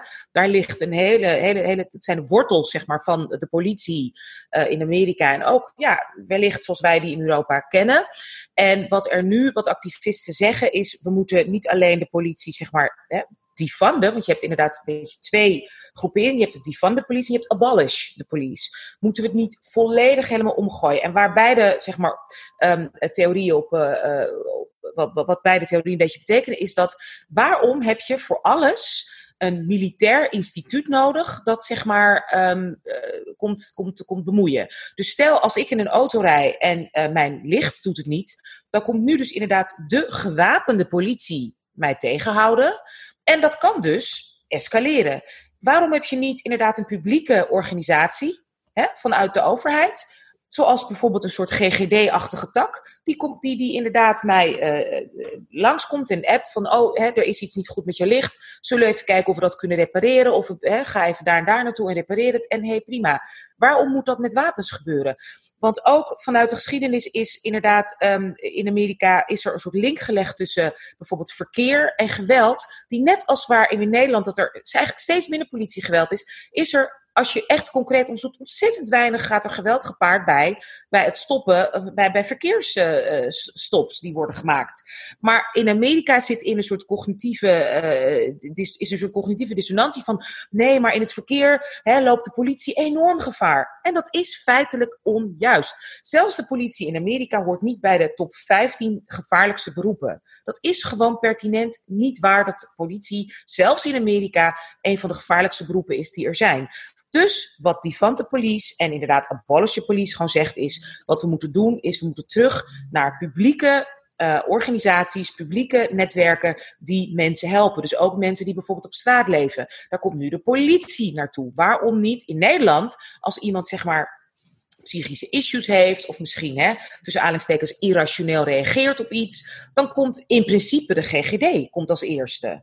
Pas als er geweld is. En in Amerika zeggen ze nu, we moeten dit helemaal defanden. En daar wil ik, er zijn al een aantal hele succesvolle voorbeelden. Bijvoorbeeld in New Jersey, in Camden. Dat is een plaats waar ontzettend veel hè, geweld was. Er was ontzettend veel corruptie. En daar hebben ze, omdat er duidelijk werd aangegeven dat de politie daar een onderdeel van was. En heel corrupt was. Dat er heel veel. Er gaat, er gaat namelijk biljoenen naar de politie. In Los Angeles gaat 6 biljoen per jaar naar de politie. Dus heel fijn dat ze nu 250 miljoen zeg maar gaan defanden. Maar ze krijgen dan 5,75 uh, biljoen per jaar nog steeds. Dus waarom is, wordt al dat geld niet teruggestopt in de gemeenschap? Waarom wordt dat geld... Er is politie in scholen. Mijn kind gaat naar een school waar politie rondloopt. Want het is een public school eh, voor een hè, bepaalde groep. Dus daar, zijn veel kinderen van kleur op die school. En daar loopt dus de politie rond. Op die school, met wapens. Waarom? Dat is toch totaal onnodig? Dus nou ja, daar, daar wordt nu, uh, is nu ontzettend veel roep naar om dat te veranderen. En zijn dus inderdaad al een, een paar succesvolle, uh, zoals inderdaad in Camden, is die hele politie ontslagen. Iedereen moest opnieuw solliciteren voor die baan. En daar is criminaliteit en geweld enorm gedaald. Sinds het is volgens mij al in de early 2000s zeg maar gebeurd. Dus het is allemaal mogelijk. We moeten nu doorpakken. Wat Anousha vertelde, om het terug te halen naar Nederland. Uh, is het is het mogelijk om in Nederland de politie te hervormen? De, de, de politie als organisatie moet sowieso hervormd worden. Ja. Uh, en, en, ik, en ik denk dat, dat, dat weinig mensen het daarmee oneens zijn. Uh, de vraag is alleen op welke wijze moet die hervorming plaatsvinden? Uh, en wordt het dan een hervorming die alleen op papier zich gaat afspelen, of wordt het dan ook geïmplementeerd gemonitord en worden er dan ook uh, maatregelen getroffen daar waar, waar die hervorming uh, niet plaatsvindt volgens die, die, die nieuwe norm. En ik denk dat dat wel heel erg, uh, ja, heel erg belangrijk is. Kijk, er zitten natuurlijk wel grote verschillen tussen de politie in Amerika en de wijze waarop ze georganiseerd zijn en de nationale politie hier in, in Nederland. Um, maar er zijn ook overeenkomsten die, die, en sowieso punten waar gewoon lering uitgetrokken kan, kan, kan worden. En daar moeten nou, behalve de grote budgetten. ik bedoel, er zijn, ge- politie in Nederland krijgt toch ook heel, heeft, heeft toch gigantische budgetten waar ze mee te dealen hebben. En ook de bonden, die zo ontzettend veel macht hebben. Ja, maar dat is ook zo'n onderwerp waar de. Pensioenfondsen. Zeker, en dat is ook een onderwerp waar de laatste jaren ook wel heel veel kritische noten over geplaatst zijn. Want men deed doen denken alsof, de politie, alsof er al jaren wordt bezuinigd op de politie. Ja. Maar uit verschillende eh, statistieken die nu op de afgelopen tijd gepresenteerd zijn, blijkt ook daarvan het tegenovergestelde. Wat je wel ziet, wat een grote uitdaging gaat zijn, is dat er gewoon zo, zometeen 17.000 agenten tekort komen. In ieder geval binnen de, het, het, het, het- de, de huidige vorm van de organisatie. Eh, en daar moet wat mee gebeuren. En misschien is dat wel het moment om die hervorming eh, door te voeren. Eh, ik zou zeggen, laten we daar een nieuwe, nieuwe Dipsaus aflevering Zeker. aan, wij- aan wijden. Olavia wilde reageren op... eh, Misschien Hasna eerst, want die moet ook zo weg. Ja, Ja, wat was de vraag? Over dus, dat, wat moet, hoe radicaal moet de politie in Nederland eh, eh, Ja. worden hervormd? Nou, in die zin denk ik dat ik me ook wel aansluit bij Dionne. Eh, ik kende dat voorbeeld van Camden toevallig ook, omdat ik dat van de week ergens had gehoord. En ehm, ik had er thuis ook wel wat discussies over van ja, wat houdt dat dan in, dat die van de police? Ehm, jij zei net, eh Anousha, dat de GGD in principe als eerste hier komt wanneer iemand verward, verward gedrag vertoont. Dat ligt maar net aan waar dat is. Weet je wel? Is iemand thuis of is iemand nou net toevallig in een, eh, ehm, een winkelcentrum, om maar een voorbeeld te noemen van Ja, iemand die eh, eh, helaas is omgekomen. eh, ja exact, terwijl Tony Holte. Dus ehm, ik denk dat we daar ook wel inderdaad naar, naar mogen gaan kijken. En dat het tijd is om dat ook te doen. Om te zien, nou, wat is nou precies de rol van, van een agent?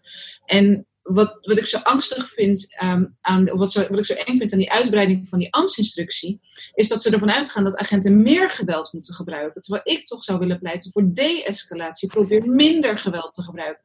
Ik heb liever dat ze, dat ze geen tasers hebben, dat ze geen pistool hoeven te dragen of moeten dragen of bij zich dragen. Ehm, dat, daar zouden ze op moeten inzetten door middel van allerlei trainingen. Haal alles uit de kast om te bedenken hoe je ervoor kan zorgen dat als er wat aan de hand is, dat je middels de-escalatie te werk kunt gaan. En ga alsjeblieft niet de agenten meer macht geven en meer eh, geweldswapens.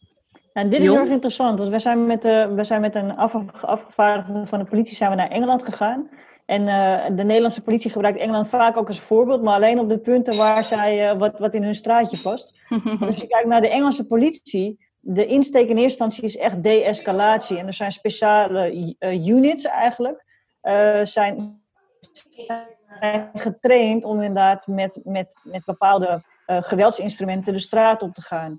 Hier zie je in Nederland dat eigenlijk alle agenten, nou ja, bijvoorbeeld de taser moet onderdeel worden van het basispakket van alle agenten.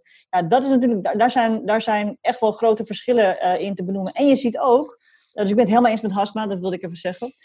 En ik denk dat we kunnen leren van de wijze waarop de Engelse politie georganiseerd is, omdat zij gericht zijn op die de-escalatie. En dat speciale eenheden getraind zijn, of teams getraind zijn om, ge- om te gaan met die eh, geweldsmiddelen. En het tweede is denk ik ook, we hebben hier een uitdaging ook met de BOA's. Eh, die vallen officieel onder, onder de verschillende gemeenten. En nu wordt er ook gesproken om bij hen ook meer geweldsinstrumenten toe te voegen aan, eh, aan de wijze waarop zij zometeen hun functie uitoefenen. Terwijl zij zouden al helemaal gewoon, nou ja, eh, communicatief eh, het gesprek aan moeten gaan met burgers daar waar, ze, waar het toezicht gehouden moet worden of waar er eventueel zelfs gehandhaafd moet worden. Kijk, het punt is, als je het hebt over radicale verandering, waarom is geweld meteen de allergrootste issue? Wel of niet geweld? Terwijl 9 van de 10 keer bij een burenruzie, of zelfs als mensen met, met, een, met een flinke slok op, of zelfs met drugsgebruik, komt er geen geweld aan te pas. En als je kijkt naar de cijfers, valt dat ook ontzettend mee. Nogmaals, met, als met verkeers. We zien continu nu allemaal beelden, en heel veel van die beelden zijn met verkeersaanhoudingen. dat iemand wordt voor een licht dat het niet doet, of een remdingetje, of weet ik veel. En er wordt gewoon geschoten. Daar moeten we dus ook naar kijken. En dat is wat inderdaad zelfs eh, Abolish de police ook helemaal zegt. Waar, geweld moet niet, eh, eh, het, zeg maar, het, het, het, het, construct moet niet zijn, geweld moet met geweld, moet in ieder worden gestopt. Want het gaat 9 van de 10 keer helemaal niet om geweld. Het Nee, gaat maar ik snap om- nog wel het argument in Amerika in die zin dat je in sommige staten eh, een mens zeg maar eh, in bezit mag zijn van een wapen. Dus dat wordt dan als argument gebruikt van de politie loopt gevaar zeg maar met, met, met, met een willekeurige burger op straat van niet weet dat die persoon in bezit is van het wapen. In Nederland hebben we dat helemaal niet. Dus Kijk, kijk Ja. die, dat, dat, die geschiedenissen van waar deze organisaties vandaan komen, zijn echt heel erg belangrijk hè, om Ja. daar te benoemen. Kijk, in Amerika inderdaad, heel veel van de zuidelijke en noordelijke politie eh, eh, waren dus echt designed om ervoor te zorgen dat tot slaafgemaakte mensen die wegliepen, om die terug te brengen. Het de Second Amendment, de Amerikaanse eh, recht op wapens, was bedoeld als een manier om witte mensen die bang waren dat zwarte mensen in opstand zouden komen, of ze nou eh, slaven hadden, tot slaafgemaakte mensen hadden, of niet. Hè, om die ervan te verzekeren van je mag je altijd verdedigen tegen deze zwarte mensen. Dus dat, dat, dat is die historie. Maar in Nederland en in Europa heb je dus een andere historie, namelijk die van de feodale tijd, waar heel veel van, die, van wat wij nu de politie noemen, geboren zijn uit eh, eh, stadswachten en ook persoonlijke kleine legers van eh no, like edelmen, like de nobility. En je moet begrijpen, de feodale tijd was niet een neutrale tijd. Het was echt, echt, echt totalitarian. ehm, ja, het geweld dat te pas ging om mensen, dus de, de gewone burger, quote unquote, om die in bedwang te houden, was echt desastreus. Wanneer je de Franse revolutie ziet en dat mensen gewoon alle edelen gewoon onthoofden, was niet voor niks. De armoede en de situatie in Europa was niet voor te stellen. Dus als je nu kijkt naar de politie, hoe we de situatie hebben gecreëerd, dat we op een gegeven moment hebben bedacht van oké, wij gaan nu als publiek, nu we de derde republiek hebben, wij gaan betalen voor de politie en we gaan van de politie allerlei taken toeschrijven die ze vroeger dus niet voor waren. Weet je, dan gaan we zeggen oké, nu willen we dat je in plaats van dat je eh, eh, eh, eh, eh, eh, ehm, weet ik veel, in plaats van dat je de, de stadsmuren be- bemant of zo, die vaak ook persoonlijke kastelen waren enzovoort. Nou, nu gaan we die vragen om ook inderdaad de, de, de, de, de, de traffic control te gaan doen enzovoort. Wij zetten in, Geen enkele zin. ja, we zetten in Kijk. een mega gewelddadig instrument om Ja, dingen exact. te doen Dat is voor mijn ons in de maatschappij die helemaal niet nodig zijn.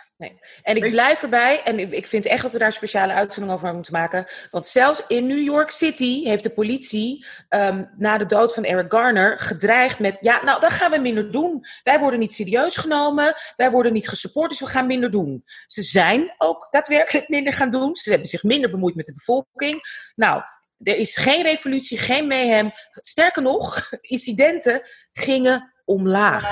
Ja. Dus laten we daar alsjeblieft naar kijken. Dat inderdaad, zijn- oh, ze komen zo in gevaar. En zelfs met mensen die in, de- in Amerika ook met wapen, in staten waar wapens. Want ik weet niet hoe het zit in New Jersey, maar ook daar, daar was het geweld gigantisch. Dus ik vind, ja, li- lijkt me geweldig om daar naar te kijken. En dus ook in Nederland. Ik ben heel erg benieuwd. Maar ook gevangenissen moeten we ook gaan kijken van waarom Oh. überhaupt sluiten we mensen op. Oh. Wanneer we weten, ik, ik heb dit in, de, in mijn studie gekregen, dat het gewoon systematisch elke keer wordt bewezen door criminologen, juristen, dat mensen isoleren en straffen niet effectief is. Het is, je maakt, je maakt, het is gewoon een fabriek van recidivisten. Weet je, zo, je, je zet mensen aan om het weer meer en meer en meer te gaan doen. We, we zetten middelen in, publieke middelen in, die disproportioneel zijn voor wat we nodig hebben. En En zeker in Amerika, hier is het natuurlijk gewoon letterlijk de 13th Amendment. Is het, zeg maar de, het, nie- het opnieuw legaliseren van, eh, van mensen tot slaaf maken. Punt uit. Ja, en wat ik zou, wat ik, ik denk dat we echt het gesprek moeten gaan hebben van hoe kunnen we verder nadenken over Zeker. wat de taakjes van de politie is en, en wat die zou moeten zijn en of we die überhaupt nodig hebben. Maar voor mij in ieder geval, zolang de politie eh, middelen inzet om in arme buurten, mensen die het al heel moeilijk hebben, om die nog meer te gaan patrouilleren en nog meer te gaan lastigvallen en jongeren gewoon systematisch te pesten. Wij, in, in Nederland, in Rotterdam, hebben we als regel dat de politie jonge mensen, Marokkaanse en mensen, jonge mensen van kleur, van hun kleding mag kleding afhalen, Ja. zodat ze met hun ouders terugkomen met een bonnetje. Maar we hebben massale belastingfraude, toeslagenfraude, eh, eh, belastingontduiking, massaal, like, op ongelooflijk grote schaal. En de politie zegt, ja, maar daar hebben wij de middelen niet toe, omdat de, omdat de, omdat de Daar hebben we handhaving- bevoegdheid niet voor. hebben we de bevoegdheid niet voor. Maar we gaan wel deze jonge, we gaan jonge mensen hun Nike-schoenen uitdoen op straat. Maar we gaan de willekeurige eh, witte gast in een Mercedes-Benz niet vragen: hoe kom jij aan die Mercedes-Benz? Ja. Ja. Weet je? Ja, en dit is een kom je aan deze postcode? Ja. ja. Sorry, en- maar ik, ik heb dan het idee van: volgens mij, volgens Het mij. wordt gewoon een hele uit. We moeten nog een uur. We moeten nog gewoon We een gaan- uur ja. Dat Ja. is, het is duidelijk. Marjan, En er, geef jou komt, het en er woord. komt, kijk, we hebben ook het idee gehad, en dat is ook iets waar ik met Olaf over heb gehad. Dit is geen eenmalig. Ik denk dat we nu. We zitten echt in een momentum waarin we het hier vaker ook moeten over hebben. En dat gaan we ook zeker doen. We hebben ook zeker plannen voor Dipsaus om hier. Weet je, waar we het nog niet hebben over gehad, bijvoorbeeld, is een strategie. Een politieke strategie. Wat moeten we gaan doen? Hoe gaan we dit, hoe gaan we dit momentum vasthouden en dit vertalen naar? Dus dit is alleen maar een begin. En ehm, ja, ja dit, is, dit is een begin, dus er komen nog zeker meer afleveringen. En ehm, ik kijk ook naar Olave, our VIP. Ehm, dus yes, dankjewel Dionne, Hasna, Olave. Dank jullie wel voor jullie, voor jullie tijd. Still looking sharp en sprinkly. dank jullie wel voor jullie werk. Dank jullie wel voor jullie inzet. Ehm, En ja, to, to definitely be continued. Dankjewel Ja, dat ik mee mocht doen. Dankjewel voor de Heel erg bedankt, lieve luisteraars. Ehm, bedankt voor, voor. We willen ook natuurlijk onze podcastpartner in Crime bedanken, Dag en Nacht Media. Hoi lieve mensen. Bye. Bye.